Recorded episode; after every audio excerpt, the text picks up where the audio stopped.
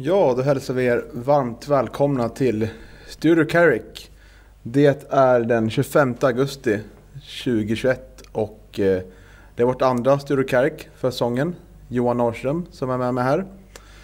Eh, vi gör Gävlepodden i vanliga fall, eller hur Johan? Ja, precis. Eh, ni kanske känner igen våra röster och har ni inte sett Studio Carrick tidigare så, så ser vi ut så här.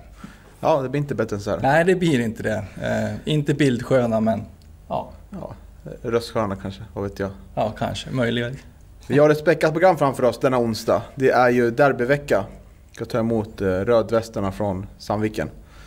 Eh, och eh, vi har späckat schema. Alldeles strax kommer Mikael Bengtsson och Mempakir.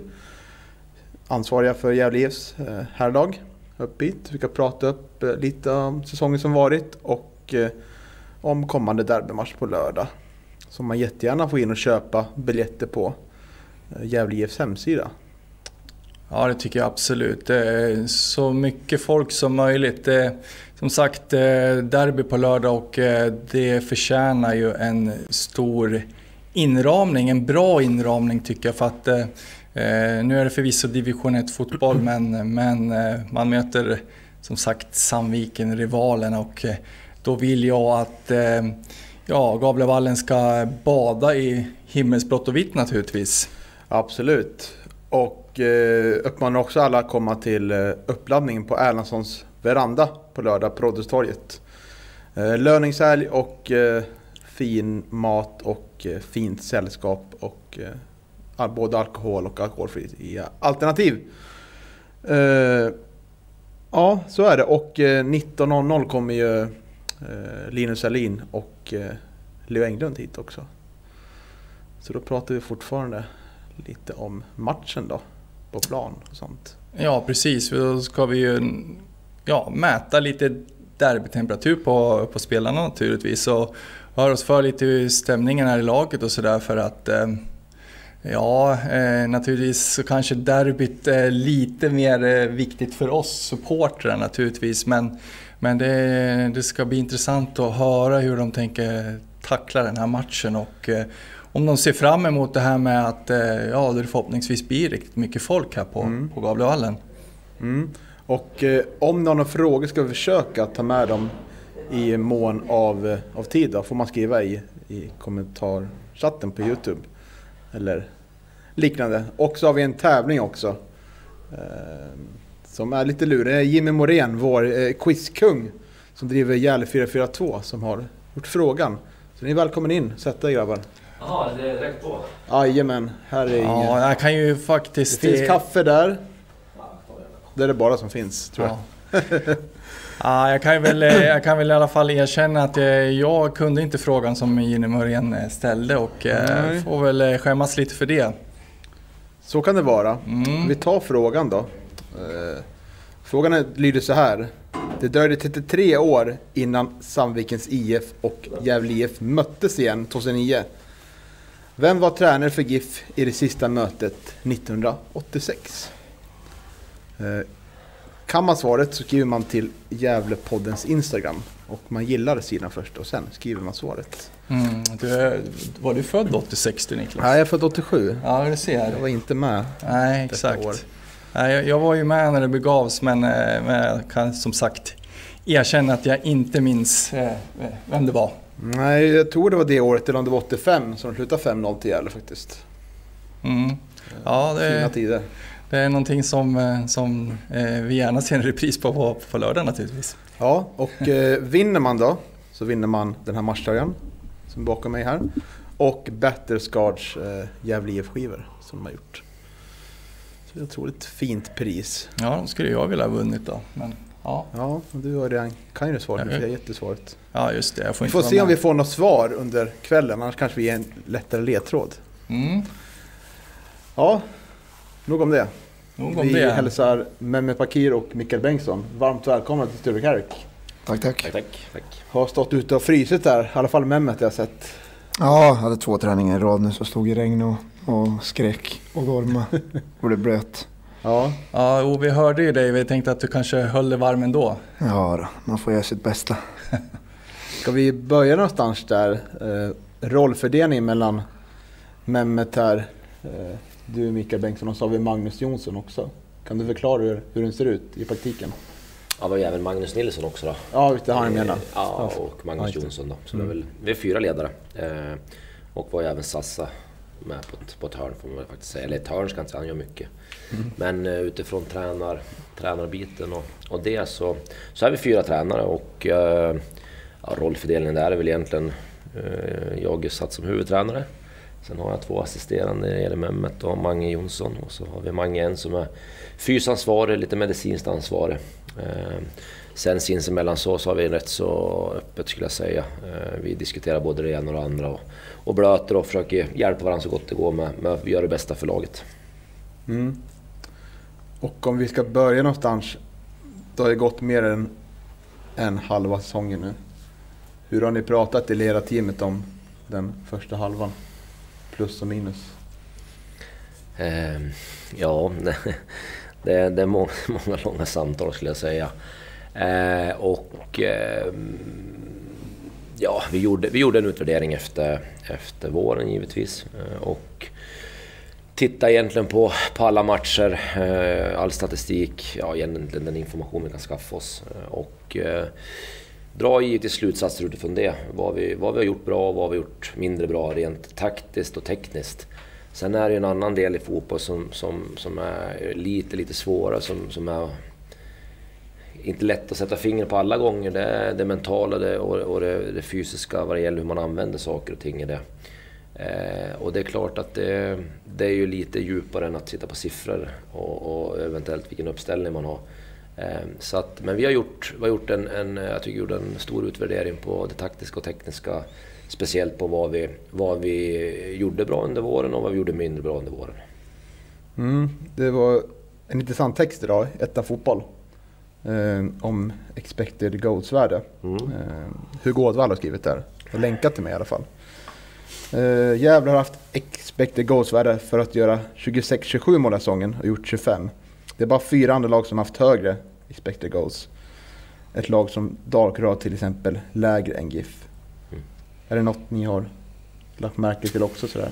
Ja, jag skulle säga att jag har sagt det ganska länge och jag håller fast vid det och det är också ett bevis på det här att vi, eh, vi tar oss till lägen och expected goals är ju en målchans utifrån vart bollen spelas in ifrån, vart den hamnar, vilken kroppsdel du avslutar med, eh, vart du befinner dig ifrån i målet och så vidare. Eh, och med det sagt då så, så har vi ett relativt högt XG, vilket innebär att vi har ganska bra målchanser och när man har en sån statistik som säger att man har, skulle ha gjort något mål till så, så, så ser jag det utifrån spelet ganska positivt eh, för då, då är vi där. Sen eh, måste vi ha kvalitet som jag har också tjatat om. Kanske både på sista passet att den som får avsluta har en mycket bättre XG-möjlighet att få göra mål men också han som faktiskt ska avsluta har kvalitet. det. Jag tänker på... Alltså om man tänker, om man tänker bästa matchen vi spelat. Vad skulle du säga är det hittills? Vad är vår högsta höjd? Om man tänker på spelet. Mm. Ja, egentligen kan man säga så här. Jag tycker vi, vi eh, vår högsta höjd eh, det, det, är, det är det som har varit problemet tycker jag under hela våren. Att vi har haft en högsta höjd stundtals under vissa matcher. En del lite längre perioder eh, och så vidare. Men vi har ju inte haft över 90 minuter och tyvärr så har vår lägsta dal varit för låg. Så det har ju blivit någonstans eh, ja, problematiken i det hela tänker jag. För att, eh, återigen, vår höjd är väldigt hög. Eh, jag tycker vi har Dalkurd hemma här. Första halvlek är, är riktigt, riktigt bra. Det finns flera halvlekar jag skulle kunna ta som, som, som, som ett exempel där vi eh, där vi får ut mycket av vårt spel. Vi har kvalitet i det vi gör. Vi, vi skapar det vi ska göra. Men tillbaka då att vi av XG-värdena, okej vi, vi gör inte de målen vi ska och då då, då, då blir det svårt. Sen, sen är det att vi håller inte i det över 90 minuter. Eh, vi har inte gjort det riktigt än i år i alla fall. Så att eh, därav skulle jag säga att delar av vårt resultat är det är. Mm. Vad tycker du? Vad är, det, vad är rimligt av som supporter förvänta sig av? För jag tänker jämnheten har ju varit ett stort diskussionsämne i år. Där man pratat om att det har gått ner mm, från match till match och under perioder i matchen. Mm. Om du ser som tränare, liksom, vad, vad förväntar man sig av ett lag? Förväntar man sig att det kan vara 90 minuter, jättebra prestation. Är det rimligt eller hur går det? Nej, fotbollsmatch är ju sällan det. Alltså den, den, det, det är sällan du spelar 92-3 minuter där du spelar på ditt max. Det, jag skulle inte säga att, jag har i alla fall inte sett något lag än så länge under min fotbollskarriär tänkte jag säga, där ett lag spelar sina 93 minuter på sitt max. Eh, däremot så håller de i det under stora delar av, av, en, av en match. Eh, sen som sagt, när man inte är där utan man befinner sig på ja, den lägre nivån så är den fortfarande så pass hög så att du, du blir inte sårbar eller du, du tappar inte matcher. Eh, så det är väl det som är egentligen utmaningen, skulle jag säga. Mm. Ja, eh, en del kritik i transferfönstret där. Från oss också får man säga. Mm. Uh, Innermittfältare var det många som ville ha in i mm. sommarfönstret. Mm. Uh, vad säger du till dem som, som, vill, som vill ha in en sån istället för mm. en Gustav Nord exempelvis som kanske spelar lite högre upp där? Kanske inte istället för, men, men, kanske både och. Då, mm, kanske prioriterat ja, istället. För, ja, men det är väl det som vi, vi har diskuterat lite i podden. För att eh, Eh, det fanns väl ändå tankar för att eh, plocka in en sån innan säsongen, här i våras. Eh, mm. Så det skulle vara lite intressant att höra hur ni tänkte nu under sommarfönstret. Mm. Eh, man kan säga så här då, är, man kan ju diskutera det och inte liksom, den kritiken eller förväntningarna eller vad det nu är. På det sättet, det vet jag faktiskt inte men eh, tittar man på det val, det val vi, vi gjort nu och tittar på varför vi inte tagit in kanske just en extrem central innermittfältare det är ju för att vi dels har bytt system, vi har mindre konkurrens eller vi har färre spelare på centralt mittfält. Där vi vill ha andra spelare som är absolut be betäckande som, min, eh, som centralfältare eller vad nu men de har andra roller helt enkelt. Eh, sen är det ju sådär, det, det är klart att det är inget snack om saken att, att eh, visst hade det dykt upp rätt person, rätt spelare med rätt karaktär, rätt nivå. Varför inte? Eh, men nu gjorde det inte det. Eh, eller vi vi sökte men vi hittade inte det så, att, eh, så utifrån det, sen ska man väl säga att det finns väl, det är väl ingenting som är fullt stängt än. Mm. Ja, går vi in lite på... Eh, vi hade ju svårt i början. Vi spelade med två renodlade anfallare på topp. Mm. Med Isak och Leo. Eh, ha, hur har lärdomarna gått, gått från det försöket i början? Är det något du skulle kunna tänka dig återgå till i vissa matcher som är kvar under säsongen? Ja, vi har spelat med två forwards som vi startade, eh, kan man säga. Vi startade ju med, med Piteå borta, så spelade vi med, med Hjälte och Leo som forward. Eh, vi startade sist nu mot eh, Dalkurd också, eller även mot Luleå uppe, så var det med Ciuccio och, och Leo. Eh, så vi har ju använt två forwards eh, egentligen inledningsvis av de här tre matcherna som har spelat. Och, Eh, Eh, jag tycker att vi eh, har fått en, en, relativt bra effekt av det, att ha två forwards eh, i vårt offensiva spel. Sen är det såklart att vi anser att fotboll handlar om en samverkan, att flera spelare ska jobba tillsammans och, och det är väl det som jag tycker vi har sett tycker jag, tendenser till på slutet och som vi pratade upp när vi var speciellt uppe i Piteå tycker jag att det fanns fragment av det, det fanns eh, saker som vi skulle plocka med oss därifrån. Jag tycker vi får en ännu större effekt av det mot Luleå. Eh, tyvärr så tycker jag inte alls vi får ut det mot, mot Dalkurd faktiskt. Så att, eh, ehm, men det finns någonting där som jag tycker vi gör bättre under, under de här tre inledande matcherna under hösten än vad vi fick fram under våren. Så, att, så det tycker jag definitivt är eh, saker som vi vill jobba vidare med för att få till ytterligare. Tycker du att ni har landat rätt i formationen som är på... Var på plan senaste matchen nu med?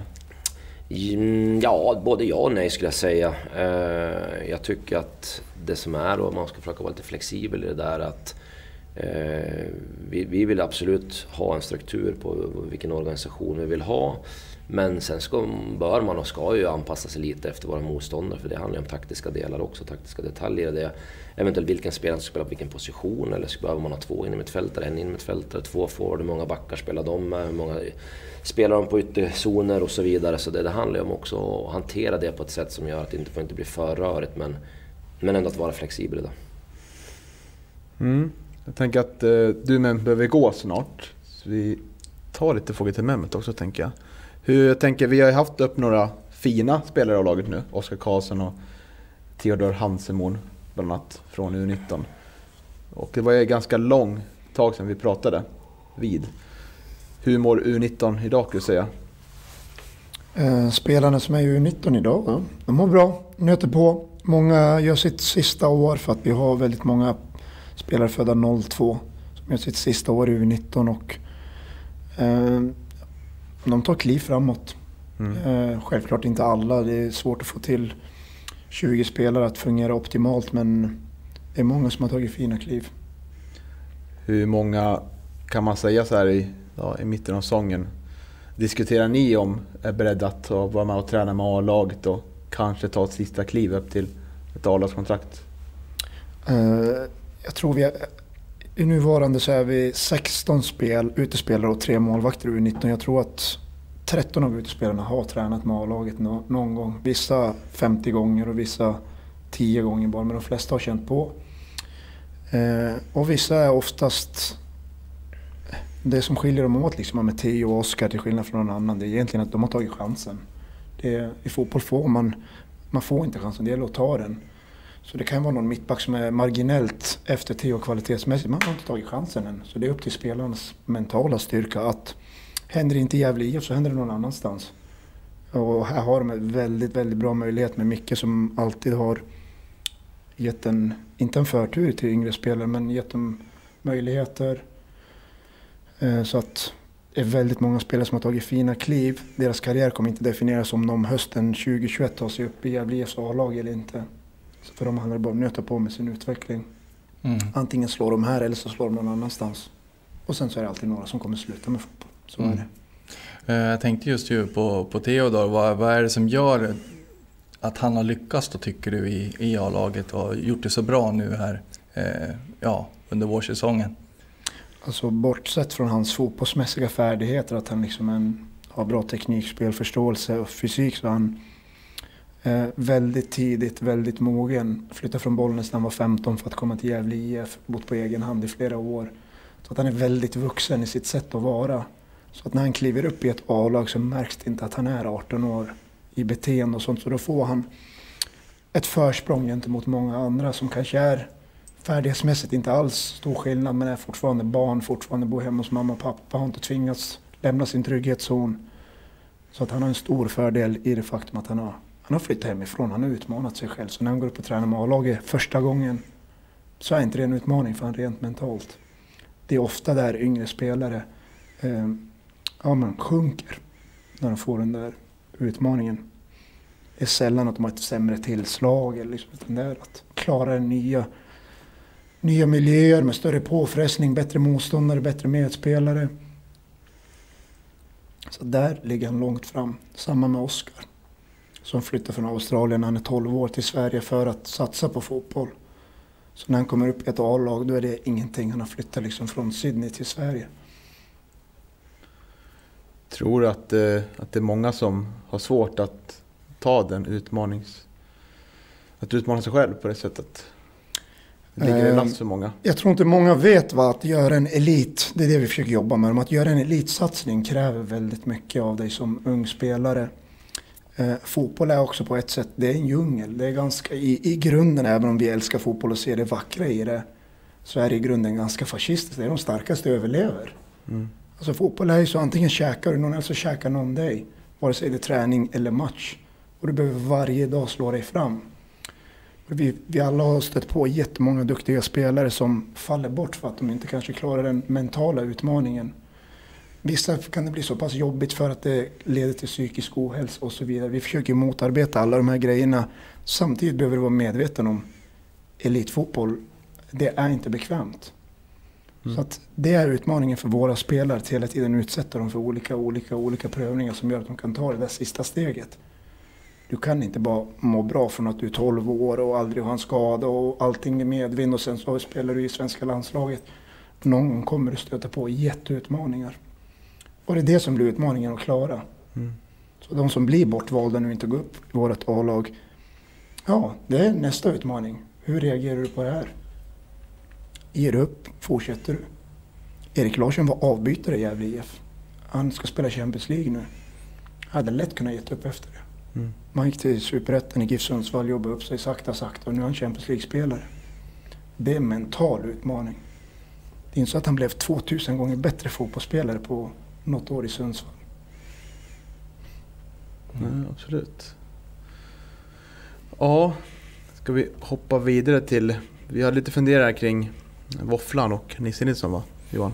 Ja, precis. Eh, eh, det, det, har väl ställts en del frågor kring, kring dem och eh, jag vet att vi pratade ju mycket här för, för några veckor sedan kring, kring dem och eh, statusen ser inte så bra ut för dem. Hur, hur ser det ut nu?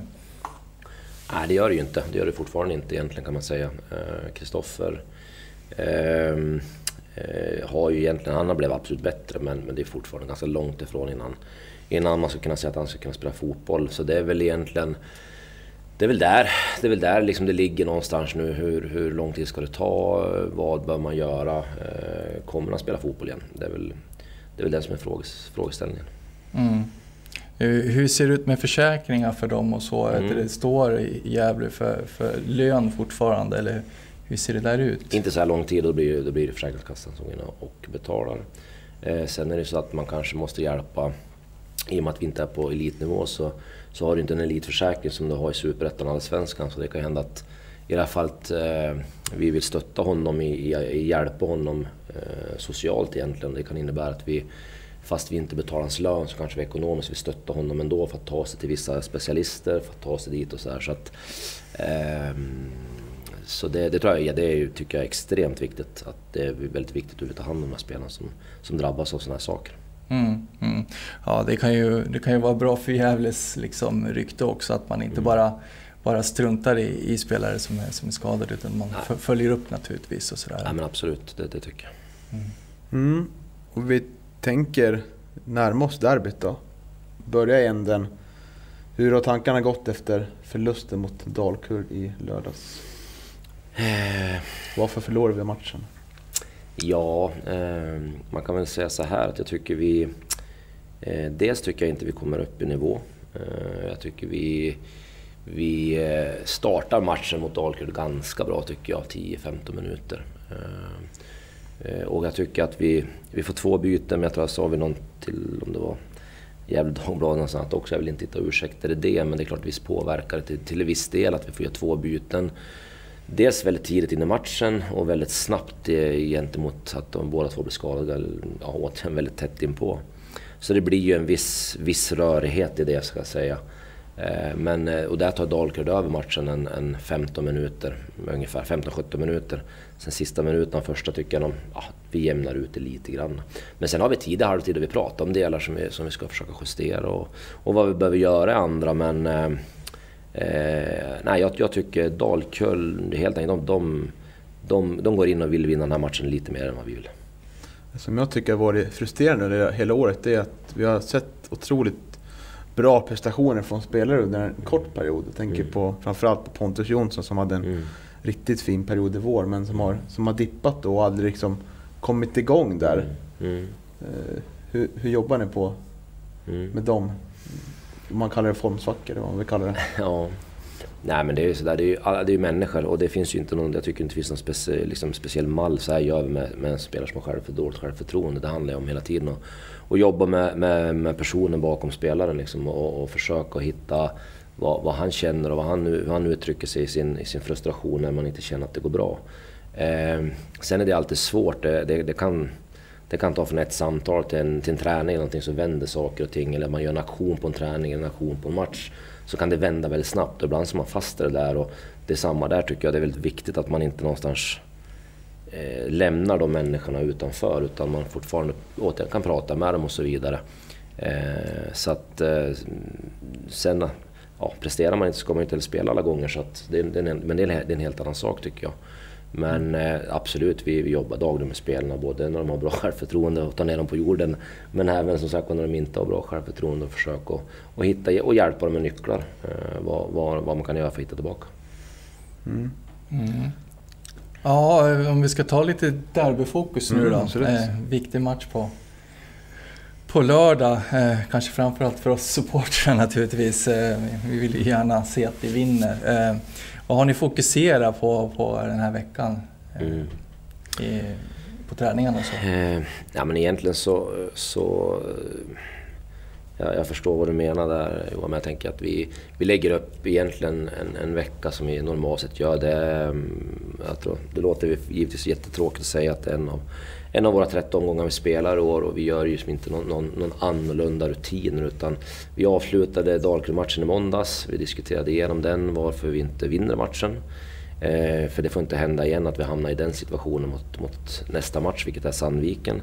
Eh, och så att vi liksom reder ut det och att försöka jobba vidare med att eh, få till de sakerna. Sen har vi ju som sagt var, eh, både igår men även idag börjat liksom någonstans eh, gå in både mentalt men också såklart taktiskt eh, vad vi behöver göra mot Sandviken. Vi har väl inte riktigt matat spelarna jättemycket men det är det mest jag skulle jag säga som sitter och och grottar i det just nu och ska färdigställa det allting och sen kommer vi göra en presentation på fredag som vi alltid gör. Sen är det ju så att många spelare både känner till Sandviken, både spelare i den och, och så vidare, hur de spelar. Så det handlar ju mycket om att, att någonstans hitta en, en, en bra nivå av anspänningsnivå sådana här matcher tycker jag. Eh, där man som sagt kan, kan gå ut och prestera sådana matcher när man möter, när det, när det betyder så pass mycket för, för, för många runt om. Mm. Mm. Det har varit fem derbyn mot. Sandviken senaste, sen 2019. Och det har ju tyvärr blivit noll vinster. Eh, och vissa av spelarna har ju varit med alla matcher. Mm. Eh, tror du att något kan sitta mentalt? Att det liksom har, har låst sig lite? Vi har ju, I Stockholm är det Djurgården som har ännu, ännu värre mm. facit. Mm. Mm. Ja, vi har ju vunnit en gång men dock inte seriespel. Det var en träningsmatch då, 2000, eller 2020. Och jag tror att det är den matchen, varför vinner vi den tror jag? Ja, men jag tror att man också går ut med ett stort mod och att liksom känna att vi, vi, vi, ska, vi ska gå ut och vinna matchen. Eh, jag ska inte säga att vi inte går ut med det i de andra matcherna, men, men jag tror att eh, vi, vi måste hitta just den, den typen av, av trygghet och lögn i, i oss själva. Men även som spelare och att inte någonstans grotta in oss vart vi befinner oss nu i serien och så vidare. Utan vi, vi har en match mot ett bra fotbollslag. Vi, vi behöver göra saker för att, för att vinna matchen. Och det, det är väl det som är nycklarna och det är det vi vill hitta under den här veckan. Så att vi, vi är förberedda till på lördag. Jag gissar att Mehmet kommer sitta lite längre upp på läktaren och spana in. Ja, jag brukar pendla mellan avbytarbås och en eh, reserverad plats finns tydligen. Men så. jag har inte hittat den på läktaren. Lite men eh, när du sitter uppe, finns det någonting som ni tänker på nu kring matchen på lördag som, som du kommer kolla på? Ja, nu gör de så här, då gör vi precis så här eller? Det handlar ju mest om att hålla koll på eh, först och främst oss själva. Liksom, gör vi rätt saker? Och sen kolla lite motståndarens organisation. Snappa upp grejer så snabbt man kan. Att de markerar med tre på defensiva hörnor eller fem kan vi ha med. Sådana grejer och, och, och gå ner och försöka. Är det någonting annat än det vi förväntade oss inför matchen. Och shit, Micke de spelar med treback istället för fyrback. Ja, då har han ofta märkt det redan, men får en lite bättre bild uppifrån. Så att eh, motståndaren kan ju alltid ändra allting. Det handlar ju mest om att vi själva ska få en liten, lite bättre överblick för att man ser man ser fruktansvärt dåligt på avbytarbåset. Mm. Det är liksom, du är ringside, du ser spelarna längst bort så i vissa arenor ser du ju knappt liksom. Mm. Ja, här uppe ser man ju fantastiskt fint. Mm. Ja, så det handlar mer om om det, att få en bättre överblick och hjälpa, hjälpa huvudtränaren och spelarna att få en snabbare info. Mm. Uh, vilken matchbild kom, väntar ni er då på lördag? eh, nej, men jag tror att det kommer att vara, jag skulle säga att det kan bli liknande som, som sist utifrån. Jag tror att det kommer att vara ställningskrig till en, till en del. Eh, Sandviken har ju återigen sina sina offensiva spelare som, som de kommer vilja sätta bollar på både snabbt och tidigt skulle jag säga. Eh, och de kommer också använda sig av ett kontringsspel med, med ganska direkt, eh, direkta bollar och, och, hög hastighet. Så att, eh, vi, det som jag säger, vi, vi måste försöka att kontrollera det. Ehm, men samtidigt så tycker jag att om vi, om vi, om vi ska vinna den här matchen så måste vi också hota deras sista linje. Eh, och som vi sa, sagt inledningsvis här så, så måste vi utnyttja det här med att okej, okay, vi har eh, XG-värden allt vad det innebär, men det gör ingenting om vi inte gör mål på dem. Utan vi vet att det finns där, utan vi, vi måste hitta den skärpan att, att utnyttja och sätta de chanser vi får. Mm. Och eh, hur mycket tid skulle du säga om du lägger på en derbymatch då, en vecka mot vanlig match? Är det något speciellt du tänker på extra där? Förberedelser? Eh, nej, det är ju sånt här då som man lägger lite mer tid på än mm. normala seriematcher. Då, men, men eh, som jag sa, jag, jag kan nog inte lägga mycket mer tid än vad jag gör normalt sett ändå på matcher. Jag, jag skulle nog säga att jag lägger ner eh, många, många, många timmar på att titta igenom på motståndarna, titta på spelare, eh, titta på vad vi har gjort tidigare, hur det kan matcha eventuellt system vi möter, vad, hur, vilket sätt spelar de på, hur har det sett ut för oss när vi har spelat mot dem, sån typ av motstånd. Eh, så det, det mm, ja, det, jag lägger in, jag ska säga jag tror att jag behöver inte lägga ner mer timmar än vad jag gör. Mm. Hur många platser i startelvan sitter du och funderar på i dagsläget som är lite oklara, så här, som inte är helt fastställda? Eh, jag skulle säga att det är faktiskt några stycken. Mm. Eh, eh, om du vill ha en siffra så ska du få det. Eh, fyra, fem stycken. Mm. Spännande. Vilka tror du det är då, Johan? Ja du, säg det. det är väl mer, det är väl mer kanske att jag tänker att vilka som är givna. Men, men frågetecknen det är väl i så fall eh, Hjälte och, och Pontus i så fall. Då. Ja, jag tänker backlinjen mm. känns lite oklar också. Eh, framförallt Kalabana eh, fick ju starta senast mot Hansemon. Det tyckte jag var lite skräll. Får säga illa båda spelare såklart. Absolut, två väldigt duktiga spelare. Ja, oerhört mm. fina. Ja, Calabano får jättegärna gå in på mittfältet och köra i dobbarna. Mm. får man kanske inte säga men... ja, spännande. Eh, ja, vad har imponerat med Sandviken då, när du sett dem? Nej men jag tycker de spelar med självklarhet. Sen tycker jag de, de eh, eh, de är ett lag som, som, om man ska uttrycka med spelar med, med sin framgång. Det vill säga att de spelar med självklarhet och, och, och självsäkerhet. De, de, det blir ju det liksom när, man, när man är i det flytet så allting går med automatik nästan ungefär. Och det är samma där, det tittar man sist på matchen eh, mot Umeå bland annat så, så det är klart att det, det, allting återigen går med automatik. Och Hudik innan man startar man slår en frispark som tar på en och in i mål. Och man har det där med sig lite grann. Eh, men det, det, det, är klart att jag tycker att de, eh, de har fått ihop laget på det sättet att de har en, en offensiv som, som grundas mycket tycker jag i deras individuella skicklighet. Och det är någonting vi måste hantera. Mm, och eh, det, det, känns som att eh, ja, de har det här rätta flytet. Liksom. Allt går med dem. Och, och, och tränar Martin Falk har ju pratat om, ja, ända sen vad kan det vara, omgång 15, att de kan se varje match som en seriefinal mm. framöver. Mm. Och det är ju ett, ja, det är lätt att säga, men det verkar som att de liksom har mm. fått rätt på i det de gör. Uh, hur motiverar ni spelarna nu? Det, vi ligger i en position där, där vi inte bör ligga. Målet är topp 5. Hur, hur går man in resterande del av säsongen? Ja, det är väl egentligen det du säger, bör vara motiverande nog. Vi ligger där inte vi bör ligga och inte ska mm. ligga. Så att, att inte vara motiverad att, att göra det här bättre än vad vi gjorde under våren, det, det borde vara väldigt märkligt skulle jag säga. Eh, sen att prata om en, enskilda matcher, att, att inte vara motiverad mot Sandviken, det tror jag inte ens vi behöver ta upp om man ska vara ärlig. Mm. Det, det, kommer man vara. Sen har vi, sen har vi eh, ett antal omgångar efter eh, som vi också ska vara motiverade till. Eh, och för mig handlar det om att det här är, det här är, det här är fotbollsspelare som, som vill vidare i sina karriärer och då handlar det om vad du gör varje dag, varje match, varje träning. Så det måste vara fortfarande, det måste vara varje dag. Vi är inne på det här med unga spelare, men det är samma för en seniorspelare. Du måste vara motiverad till att bli bättre varje dag ifall du ska nå någonstans.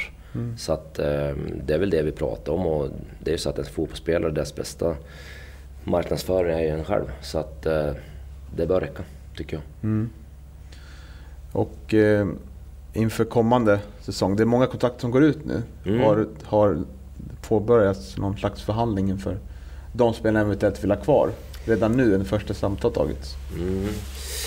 Um, man kan väl säga som så att det är, precis som du säger, så är det många kontakter som går ut och vi ska givetvis titta lite grann hur den här hösten utvecklar sig. Uh, sen så ska vi titta på vad är då vi ska och behöver göra inför nästa år. Och med det sagt så, så skulle jag inte säga att den stora förhandlingar på ny just att förlänga just nu med någon. Mm. Jag kan kolla, har vi några frågor Jens från ingen chatten? Nej, kanske kommer sen. Ja, det verkar bli grymt ångestfyllt ja. med derby. Ja, det är ångestfyllt för oss supportrar glädje såklart. Ja, men, ja. ja, så menar jag inte allvar det som Calaban också tänkte på det. Kanske, han får gärna vinna dueller som men kanske inte gå in med dobbarna före. Det är bättre ja. att vara tydlig med det. Ja, det är, det, jag kan tänka mig att det, det är svårt med, det, med den spelartypen också. När man sätter in Calabane, det är ju, mm. det är en sån, han, han spelar ju hårt helt, mm. helt enkelt. Och, ja, och, det kan väl slå åt båda håll det där misstänka. Ibland så, så, vet du, så lyckas han ju reta upp motståndarna ganska bra också. Ja. Mm. Eh, vi har ju två till gäster ganska snart. Eh, Leo Englund och Linus Thalin.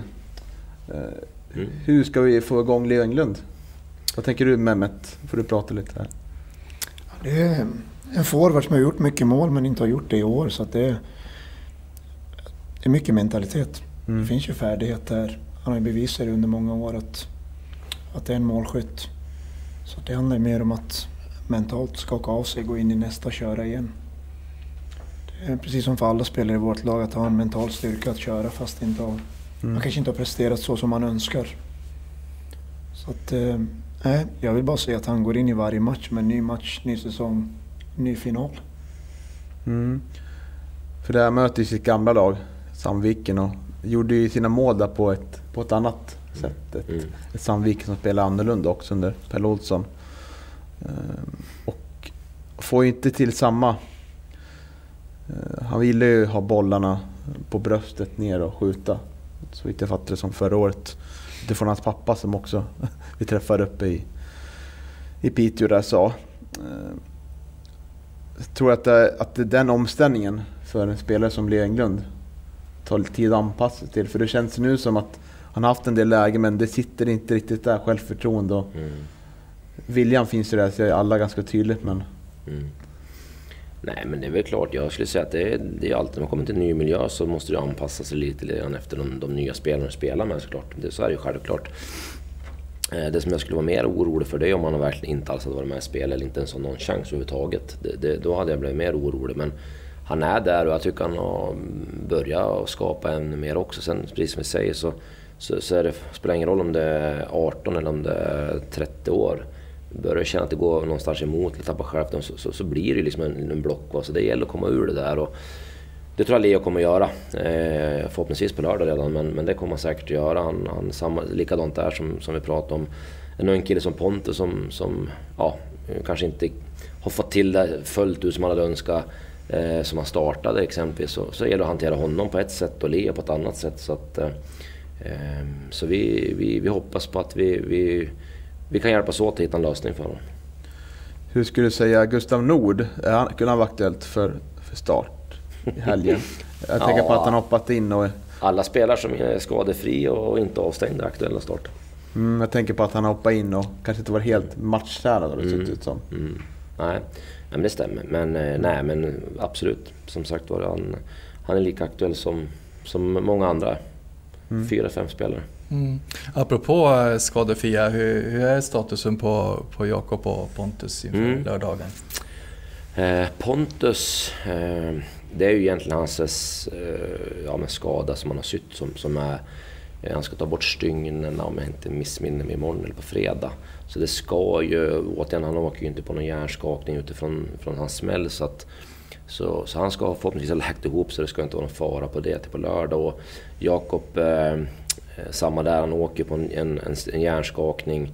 Men som sagt redan på söndag så tar han steg ett, eh, måndag steg två, steg tre igår och steg fyra idag. Så att han tar de här stegen och han mår bra och ingen respons alls utifrån det. Så att samma där, han tar sitt sista steg på fredag eh, och kan vara med på full träning. Och får han inget bakslag utifrån det så, så är han ju också uttagningsbar.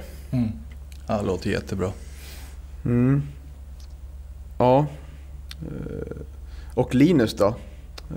Fick ju en fot. Mm. Eller spik i foten. Han fick en fot, ja. Han fick en fot. Ja, och han två till och med. Han fick en spik i foten. Ja. Eh, det är också en spelare som aktuell, kan vara aktuell för start. Absolut. Mm, vad härligt att höra. För det, vi har ju pratat en del om prestationen under året och det känns som att Linus har varit den som är mest konsekvent. Mm. Kanske i sitt, eh, sitt, sina prestationer på plan. Mm. Hur viktigt skulle du säga Linus är för Gävle IF 2021? Ehm, han är viktig utifrån eh, på det sättet tycker jag att han, han har någonting som jag önskar vi, vi, vi, får på fler spelare. Han har en mentalitet, som du säger, han har också en jämnhet tycker jag. Ehm, men det, det grundas också i den här mentaliteten till att, att göra saker hela tiden och verkligen liksom befinna sig på rätt mentalt område hela tiden. Ehm, och jag önskar att fler ta efter. Det är därför är han viktig att han visar och går i bräschen med den, den typen av egenskap. Eh, för det tycker jag att han är, om han inte är bäst, så han absolut definitivt topp i, våra, i vårt lag på den biten. Eh, och, och det, det som jag säger, det, det, det är viktigt. Det hoppas jag fler tar efter. Mm. Framförallt så önskar vi lite mer hörnmål. Mm. För det var ju duktigt på i början. Mm. Mm. Och visst är det så att Magnus Jonsson lite ansvar åt det va? Mm. Ja. Han, har, han har ansvar för fasta, ja. Mm. Vad är det han gör fel? Ja, precis. Du får fråga honom. Nej, men... Eh, ja.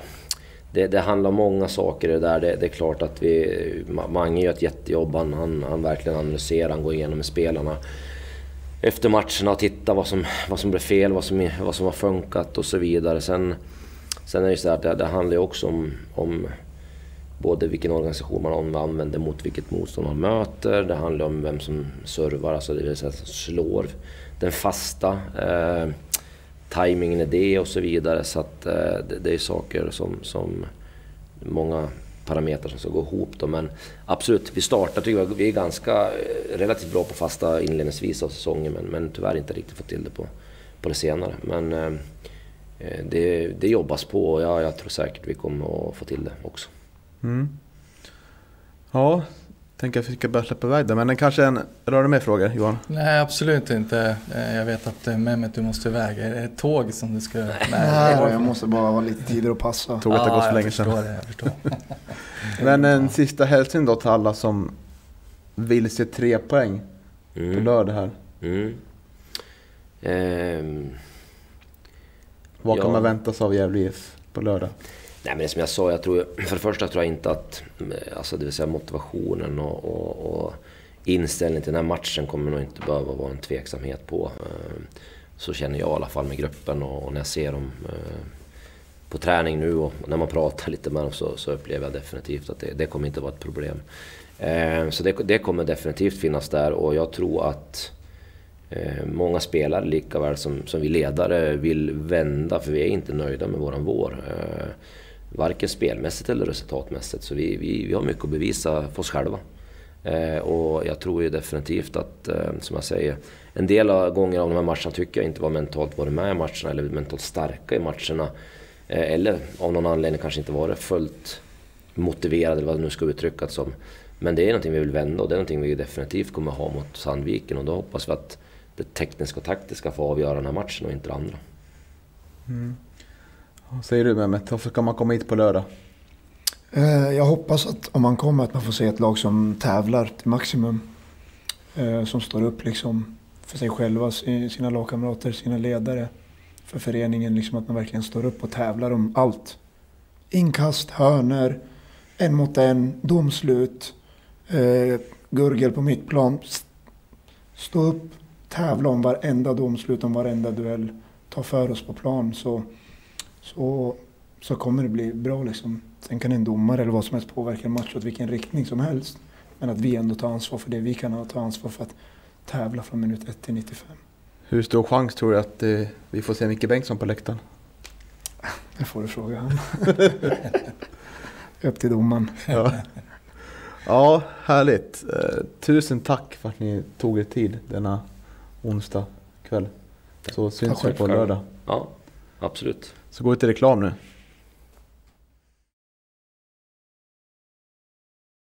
I vinden.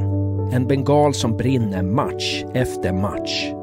En doft av nyrostat kaffe sveper in från Skeppsbron och solen kastar sina strålar genom Bolongens lövverk. Ljudet från Strömvallens vändkors tystnar aldrig för oss. Vi har sett vårt lag vinna och vi har sett vårt lag förlora och rasa. Under tre säsonger har vi gått från att vara ett allsvenskt lag till att spela division 1 norra. Det har varit en tuff period, men nu har vändningen kommit. Från att nästan ha åkt ur division 1 säsongen 2019 kom Mikael Bengtsson och gav oss en plats i mitten av tabellen 2020. I år siktar vi ännu högre. Tillsammans kan vi hjälpa vårt lag upp i divisionerna igen. Och det till det här du behövs. Tillsammans stöttar vi vårt lag från ståplats, både på hemma och bortaplan. Så fort publik släpps in på arenorna igen står vi där på läktarna som förut. Ingen kan göra allt, men alla kan vi göra lite. Och tillsammans tar vi oss tillbaka till eliten. Där vi hör hemma. I år fyller supporterklubben 20 år. Vi är en process som ständigt fortsätter. En himmelsblå kraft och rörelse framåt. Vi är Carrickläktaren. Bli medlem du också.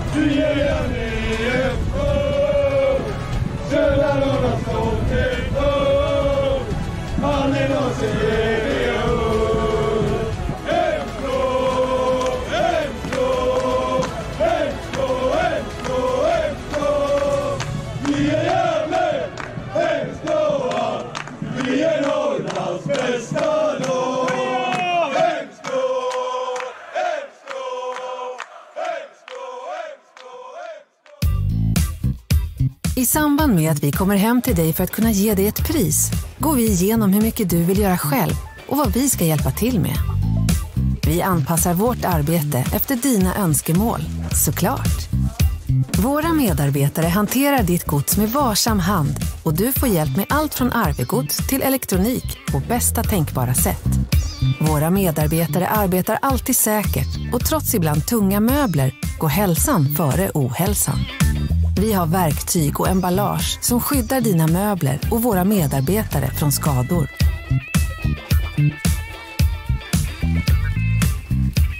Vi har full försäkring och utbildning för att du ska vara säker på att det du bryr dig om kommer fram till sin slutdestination på ett säkert sätt. Vill du så packar vi även upp och monterar dina saker på det nya stället. Välkommen till Gävleborgs flyttservice. Vi flyttar branschen.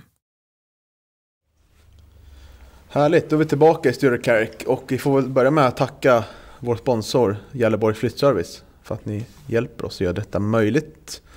Otroligt fint företag som man känner flera som jobbar åt faktiskt.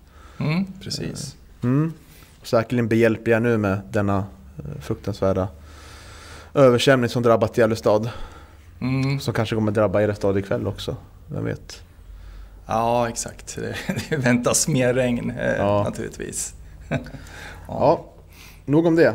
Vi vill påminna om tävlingen som man kan vara med och eh, tävla i. Eh, och frågan lyder ju 1986 var senaste gången, eller 2019 möttes Gävle och eh, Sandviken första gången på 33 år. Eh, och eh, vem var då tränare 1986? Vi kan väl ge en ledtråd där att Eh, han har samma namn som en känd ledare i en Stockholmsklubb i Allsvenskan. kan ni fundera lite på. ja, men nu har vi i alla fall Leo Englund och eh, Linus Olin här. Stort eh, tack för att ni tog er tid och välkommen. Absolut. Tack, tack. Tack. Hur har dagens träning varit, Leo? Bra tycker jag. Bra tycker jag. Det var bra fart idag. Eh, bra fart, eh, lite grinigt, lite, lite smällar. Eh, så att det, varit, det var en bra nivå idag på träningen faktiskt. Vem var grinigast? Calabane tror jag. Och Linus. Oj. Ja, du De ser. spelar i samma lag också. Oj. Ja, skällde på varandra eller? Ja, Jag hade en liten kort dust. som det ska vara. Ja, precis. Eh, ja, nu är det ju som sagt derby på lördag.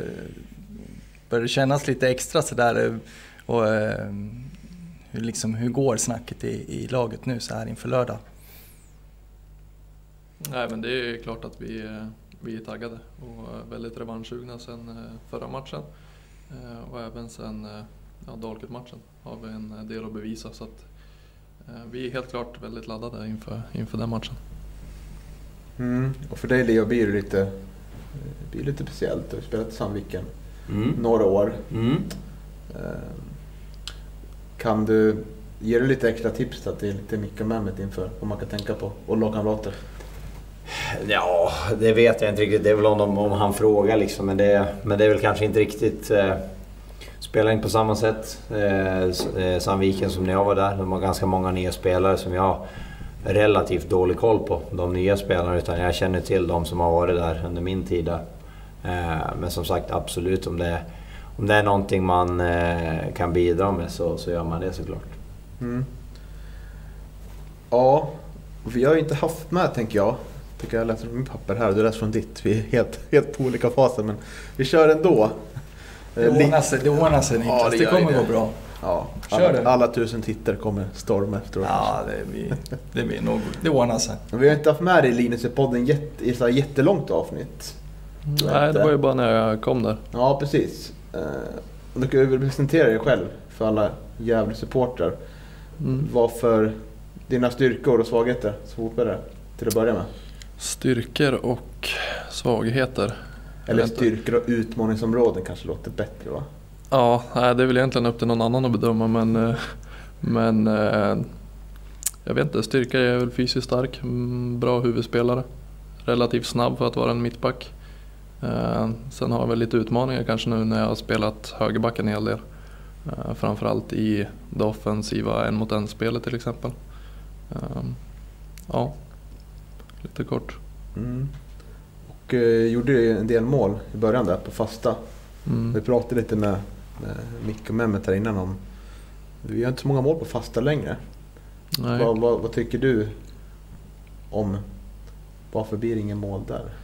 Eh, Det är väldigt mycket som ska, ska klaffa i en fast situation. Dels är det ju den som eh, servar, eh, vart bollen hamnar, duellspelet där inne. Och sen, ja det är många gubbar som är inblandade i, i den situationen. Så det kan bli en slumpartad situation eller så sitter den mitt på pannan. Men det är väl en bra serv och att vi måste, måste vinna våra dueller där inne. Mm. Då tror jag att det kommer resultera i, i fler mål. Fint att du pratar tennisspråk här. Tennisspråk, Ja, serve. och serva. Ja, eh, ja, vad säger du Leo om, om hörna? Straffområdessituationen där. Vad är det Nej, men- svåra med hörnor? Nej, men kan det, förstå han, det handlar om, det handlar om, det Salle inne på det, det handlar om kvalitet, kvalitet på, på serven, på, på själva hörnan eller in, inläggsfrisparken. Vad det är. Den är helt avgörande vad det är för... Eh, hur den är slagen, om den är hård, om den är lös, om det är mycket luft på den. Sen handlar det om att bemanna alla ytor och, och verkligen gå för det. Man måste kunna offra ett... Eh, offra mycket, offra ett, eh, en smäll, en ordentlig smäll för att trycka dit det. Men, men serven är såklart väldigt, väldigt viktig. Vad det är för kvalitet på den. Mm. Som, som det är i många andra situationer där ute. Hur många olika varianter har ni inövade på hörnor? Vi har, väl, vi har väl ett gäng och sen är det väl eh, inför varje match så finns det väl, eh, finns det väl i pärmen eh, det som ska användas den matchen. Eh. Tjock pärm? Nej, den är inte så tjock. Nej. Det är inga, det är inga trollerikonster. Så här lobba, lobba upp till någon som ska klacka den till någon. Man, man, vill, man vill gärna se om den här... Ni har väl hört talas om Gävle-Malmö 2006? 0-3 vändning till 4-3. fyra fasta eller? Nej, men ett av målen var ju ett hörnmål. eh, Där eh, tar den längs marken, passar bollen, så hoppar en kille över och så skjuter Mattias Forslin in eh, bollen längs marken där. Är en del av, jag tror det är 1-3 målet där. Ja, precis. Jo, det, det är väl lättare för oss att se det framför oss. Ja, precis. Vi kan visa för det Leo och sen. Linus Ja. naturligtvis. Alla som kollar fattar. Ja, precis. Alla Ja, det är en väldigt fin variant. Mm. Och nu om den är med i pärmen vill man ju gärna.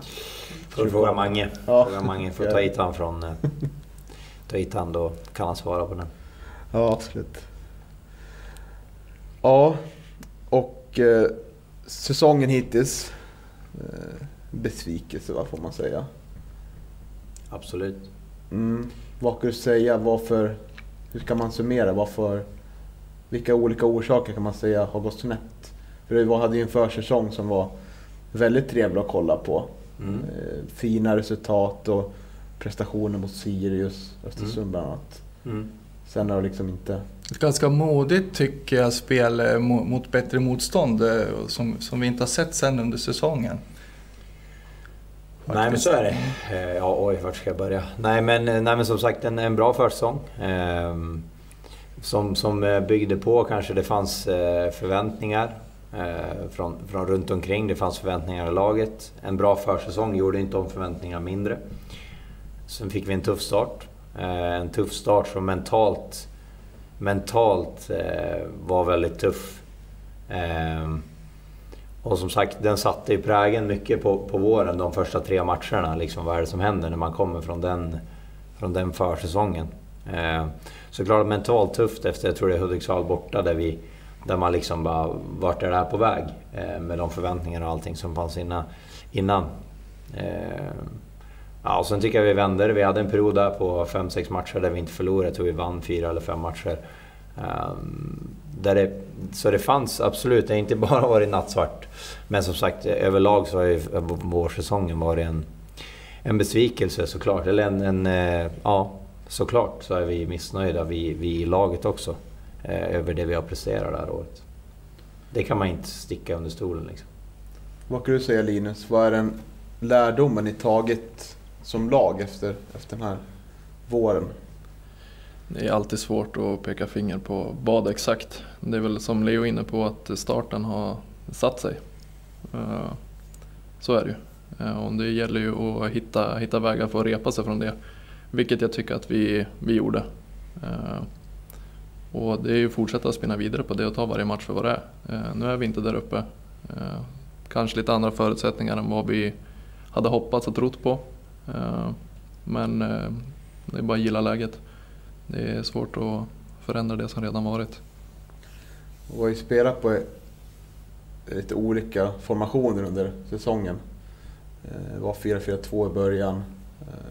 Det känns som du Leo hamnar mycket ute på kanten och Isak hamnade också ute på kanten.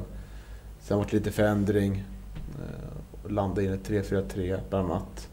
Tror ni att det har varit, var det rätt att byta när det byttes? Eller skulle man på något sätt behållit tron, tron på det? Hur tänker ni kring det? Om du vill börja Leo? Jag har svårt att säga. Jag, jag, tror att det här året, eh, den våren som har varit, så tror jag inte att spelsystemet i sig, vad vi har spelat, det har inte, det har inte varit avgörande. Utan det har varit, varit mentalt. Eh, mentalt eh, att vi inte har... Vi har inte varit på nog hög nivå, skulle jag säga. Eh, överlag. Eh, den nivån vi ska spela på har vi inte spelat på i nog många matcher. Sen om vi spelar 4-4-2 eller 4-5-1 eller 3-4-3. Ja, jag, vet inte om, jag vet inte om det hade förändrat någonting om vi hade bytt, inte bytt system eller om vi har bytt system.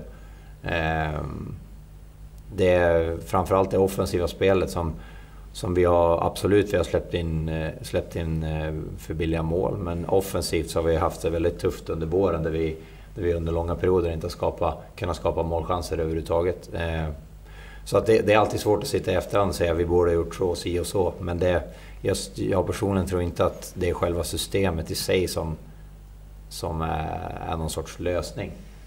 Sen att man byter, det är ganska naturligt när det inte funkar på, en, på, på ett bra tag. Liksom för att kanske eh, hjälpa laget att hamna i bättre positioner offensivt för att kunna skapa målchanser, för att täcka vissa ytor. Det är ju en taktisk detalj. Men sen inför varje match då. Eh, men sen överlag så tror jag så har det inte med systemet att göra utan det är helt enkelt att vi som lag eh, inte har, har haft nog kvalitet att spela på den nivå vi börjar. Mm, det, är min, det är min åsikt i alla fall. Mm, mm. Ja, men du säger att i, i vissa perioder av matcher och vissa matcher så har de haft svårt att skapa målchanser. Vad, eh, vad tycker du att det beror på då? Ja, Linus var inne på det. Det finns, det finns många saker det, det kan bero på. Men, men framförallt eh, under våren så tycker jag att vi har eh, vi har varit väldigt, eh, väldigt duktiga. Vi har varit duktiga i speluppbyggnad. Det är inget, det är nästan, jag tror inte något lag som har liksom pressat fast oss där vi, där vi inte har klarat av att lösa det. Men det har också kostat, kostat ganska mycket offensiv kraft mot sista linjen. Mot, eh, för att röra om i motståndarnas eh, backlinje med löp med fler spelare högt uppe mot sista linjen. Eh, som gjort att många lag vi har mött har nog tyckt att det var ganska bekvämt att möta oss. Speciellt eh, försvaret, skulle jag säga. Sen nu efter sommaren så har vi ju ändrat om lite system. Vi spelar med två forwards igen.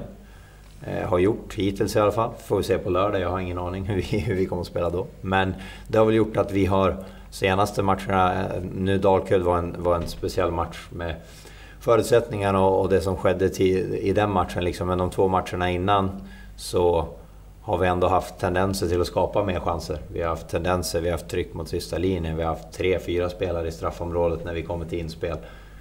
Och då, ska det, då är det större chans att om eh, inspelet och vi har fler spelare i boxen klaffar så är det lättare att skapa målchanser. Och det har vi faktiskt gjort. De, de, eh, nu senast var det tufft, men som sagt de två matcherna innan. Eh, kontra mot våren där vi, där vi kanske eh, var en spelare i boxen. Och vi hade varit längre ner i banan för att lösa speluppbyggnad. Så att jag tror att eh, just nu, att vi har bytt system, har gjort att vi skapar... Vi hjälper laget att ligga i offensivare positioner. Eh, som gör att vi kan... Det är lättare att komma till, komma till rätt ytor i boxen. Vi är fler när vi ska ta in bollen, vi är fler som skapar situationer. Men som sagt, allting är på bekostnad av något. Vi har haft en bra balans i år. Där vi har legat, legat rätt på, med många spelare. När vi har tappat bollen så har vi, vi har släppt in få kontringsmål till exempel. Men det är ju på bekostnad av att vi kanske haft spelare i speluppbyggnad och vi har tappat bollen, satt upp bollen, inte haft så många spelare där uppe, tappar den. Men då har vi varit på rätt sida. Eh, så det är alltid skruva på saker, men eh, som sagt jag tror, tycker både Peter och Luleå att jag personligen tycker att jag ser tendenser till att skapa mer målchanser för att vi är fler spelare som tar oss in i farliga ytor. Det gör att motståndarna ställs på fler prov och det är klart att det är något vi ska utveckla. Men det tror jag just är det offensiva. Nu har det varit en lång utläggning, men det tror jag är den offensiva delen har varit, har varit mycket det. Vi har mm. varit lite få där uppe. Mm. Jag vet inte hur ni från sidan ser det, men det är så, det, så, så äh, har vi och jag personligen upplevt det. Ja, men de reflektionerna har vi också gjort och det är precis som ni säger att äh, det här nya spelsystemet gör att ni eh, blir fler i boxen, att ni mm. fyller på. Och det är väl det som har varit problem under våren. Mm, för jag tycker man kunde märka redan mot, mot Piteå där att det blev fler spelare i boxen. Men problemet i den matchen specifikt var ju att kom ganska framgångsrikt, eh, framförallt i första halvlek, till straffområdet utanför. Sen var alla spelare felvända när de fick bollen. Mm. Det var ingen riktigt som kom till avslutningslägen. Har ni pratat lite mer om det? Hur komma till rätta i, i straffområdet där för att kunna komma till avslut? Eh, ja men just den matchen kan man ju specifikt säga eh, Piteå. Vi, vi spelar ju en, gör en bra första halvlek med bollen. Vi dominerar matchen fullständigt. Men det betyder inte att man vinner fotbollsmatcher. Eh, Piteå gör det bra, de backar hem. De släpper i princip aldrig sin, sin backlinje och ligger med två mittfältare framför. Och de är egentligen 67 spelare i egen box. Eh, och vi, det var en, en torr konstgräsplan som gick väldigt sakta. Då måste man ju ställa frågan, ja, men hur, hur vinner vi den här matchen? Är det genom att försöka kombinera oss genom sju spelare centralt? Eller ska vi försöka eh, ta oss fram på en sida, vända snabbt och sen fylla boxen och spela inspel på inspel på inspel på inspel? Eh, och där där liksom lyckades vi inte hitta. Vi flyttade inte bollen nog snabbt, vände sidan nog snabbt för att kunna ta oss fram och komma till inläggslägen i, högre upp i banan. Eh, så där borde vi kanske ha jobbat mer metodiskt med en sån, till exempel det, för att kunna låsa upp dem. För de släppte inte sin organisation. Då är det svårt. Om du ska väggspela igenom sju spelare i centralt som ligger på 10-15 meter. Mm. Det, det, det är svårt. Så det, det är också en smartness hur man vinner matcher. Ehm, så att eh, det är något vi jobbar på och jag tycker som sagt att det har blivit bättre. Eh, det ska upp betydligt mer men det finns, som ni var inne på och som jag var inne på, att vi, vi är fler spelare där uppe nu som gör att vi kan hota på ett annat sätt. På ett lättare sätt. Det är intressant det där just för att det är svårt för oss som eh, står på sidan eller tittar på TVn att just med konstgräset att det, att det skulle vara torrt och det skulle vara blött. Liksom. Vad, mm. vad är egentligen skillnaden? prata. Det är väl framförallt hastigheten i, i hur mycket du måste trycka till bollen. Är det en torr plan så lite studsigare, gå långsammare. Eh, man får tänka på ett annat sätt. Spelar du här på Gavlevallen så går bollen rätt, eh, rätt hårt liksom. Eh, och utan studsar så att det, det blir lite lättare att spela. Mm. Mm. Vad kan du säga Linus, från din position? Du har ju spelat på lite olika positioner delvis i år. Mm. Vad, vad, vad föredrar du att spela? För jag har suttit och tänkt en vissa matcher att ja, du är ju en väldigt fin passningsfot tycker jag. Eh, slår väldigt sällan bort bollen. Eh, jag funderar på ja, innermittfältare. Vissa matcher. Ja, eh, det är upp till, till Micke att placera ut mig men eh, mittback är väl det jag har spelat i, i min seniorkarriär och, och även eh, högerback numera. Mm. Eh, senast jag var inne i mittfältare var väl någon gång i U17. Eh, om jag inte har helt fel så var det när jag hade Micke i U19 som jag blev mittback. Så att, eh, ja, Han tog koll på drömmen. tog koll på drömmen eller satte fart på den, jag vet inte. Ja, Något ja. utav det. Och så kan man ju se det, man tänker, du är ganska målfarlig ändå och ligger ju ligger högt upp i, i interna skytteligan med, med dina fyra mål. Så att, Ja, ja. nej men det, det hoppas jag att det blir ändring på snart. Ja. Vad, vad ser du för, när du, du spelar ju på kant nu sagt oftast. Vad ser du för utmaningar med anfallsspelet? Håller du med det Leo Eh, säger där? jag håller med i, i det mesta Leo säger. Eh, sen har han nog en bättre bild av den vad jag har. I och med att eh, är du mittback så är det mycket speluppbyggnad och hitta igenom. Just kreativiteten där framme i sista tredjedelen och hur man ska borra sig igenom en backlinje. Eh, tror jag Leo är betydligt bättre än vad jag är på att prata kring. Men jag håller väl med. Det är väl dels kvaliteten i våra passningar, inspel, i våra aktioner. Eh, samtidigt som att det handlar om, eh, om eh, eh, att vi ska ha en connection där uppe. Eh, vi ska kunna läsa varandras rörelser. Eh, och precis som Leo säger, de senaste matcherna har vi varit lite fler mot deras, eh, mot deras backlinje. Vilket gör det lättare. De har mer att hålla koll på. Eh, så det gäller väl att ut, eh, utnyttja varandras rörelser där uppe och kvalitet i det vi gör. För något som, som har varit avsaknat i år tycker jag, det är det här inläggen som är ganska höga som, som både Leo och Jakob, Hjälte, kan ha chans att nicka in. Det känns som att vi har vi väldigt sällan ser, ser sådana bollar. Är det för att de, det kommer inte läge, ni hamnar inte i rätt eh, kombination med varandra från ytterback till, till anfallare? Eller handlar det om att, eh, eh, att det, det är inte så tanken är att vi ska göra mål? Det är klart att det finns en tanke eh, att vi ska komma till inspel och inlägg såklart. Eh, sen är det mycket som händer innan en sån situation uppstår som, som kanske spelar extremt stor roll. Hur snabbt vi vänder bollen från sida till sida. Eh, hur stor yta den, den som ska slå inlägget får. Eh, så att det är mycket som, som spelar in där. Eh, men det är klart att vi har två tunga boxspelare i Hjälte och Leo så det är, är vår uppgift att, att serva dem. Mm. Hur känner du där Leo? Kan det vara en av orsakerna till att det, har- blivit så många mål? Nej men det är ju, det är ju som sagt, det är som sagt vi kan göra mål på, på många olika sätt men, men, men framförallt så är det i de situationerna så handlar det om, Salla alla är inne på det, det handlar om eh, hur man skapar yta för ytterspring, ytterspringarna eh, liksom, för ytter, ytterback, yttermittfältare, vad det nu kan vara. Men sen handlar det, det, handlar om, eh, det handlar om att ta sig in i boxen. Det måste vara fler spelare än en spelare. Det handlar om att ha kvalitet på, på, på grejerna. Det handlar om att... Har vi fem inläggslägen från en kant, då, då, då, liksom, då kan de inte sitta bakom ett mål. De kan inte vara 10 meter för långa, 5 meter. De kan inte stanna på första försvararen två av tre gånger. Då blir det inte mål. Det spelar ingen roll eh, hur du löper eller hur. Det är en timing mellan den som spelar in bollen, kvalitet på den. Det handlar om hur första spelare rör sig i boxen, hur andra spelare, om vi fyller i cutback-ytan. Det är, det är små, små detaljer. Eh, och du kan springa i rätt, du kan springa i rätt ytor hundra gånger. Men någonstans är det timingen mellan att springa i rätt yta och kvalitet på det inspelet som är 100% avgörande för att du ska göra mål. Eh, kommer inte bollen i farliga ytor, om bollen kommer i farliga ytor varje gång då kan man, då, och det är tomt där, då är det ju liksom då är det ganska självklart vad som måste ske. Hur man måste ändra saker. Springer du i rätt ytor och vi inte får in bollen i rätt farliga ytor med kvalitet, med hastighet, i rätt lägen. Ja, då är det svårt att göra mål. Det spelar ingen roll om vi skulle springa med hela laget då, utan det handlar om det är en timing däremellan. Och sen handlar det om att ha kvalitet på, på, på grejerna. Det är, det är liksom, något annat är det inte. Det är så, det är så målen uppstår. Mm. Situation på situation. Och kvalitet på så många situationer som möjligt. Då kommer, då kommer chanserna och när chanserna kommer, då kommer målen.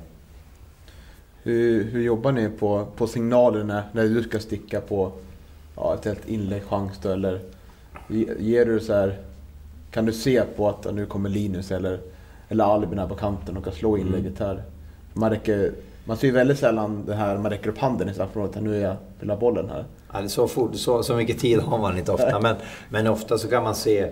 Eh, som sagt, det har varit bättre nu på slutet, som jag, som jag var inne på. Det har varit fler spelare in i boxen. Det har varit, eh, då, då börjar vi kunna ställa krav och börja titta på detaljer på vilka, hur slår vi inlägget.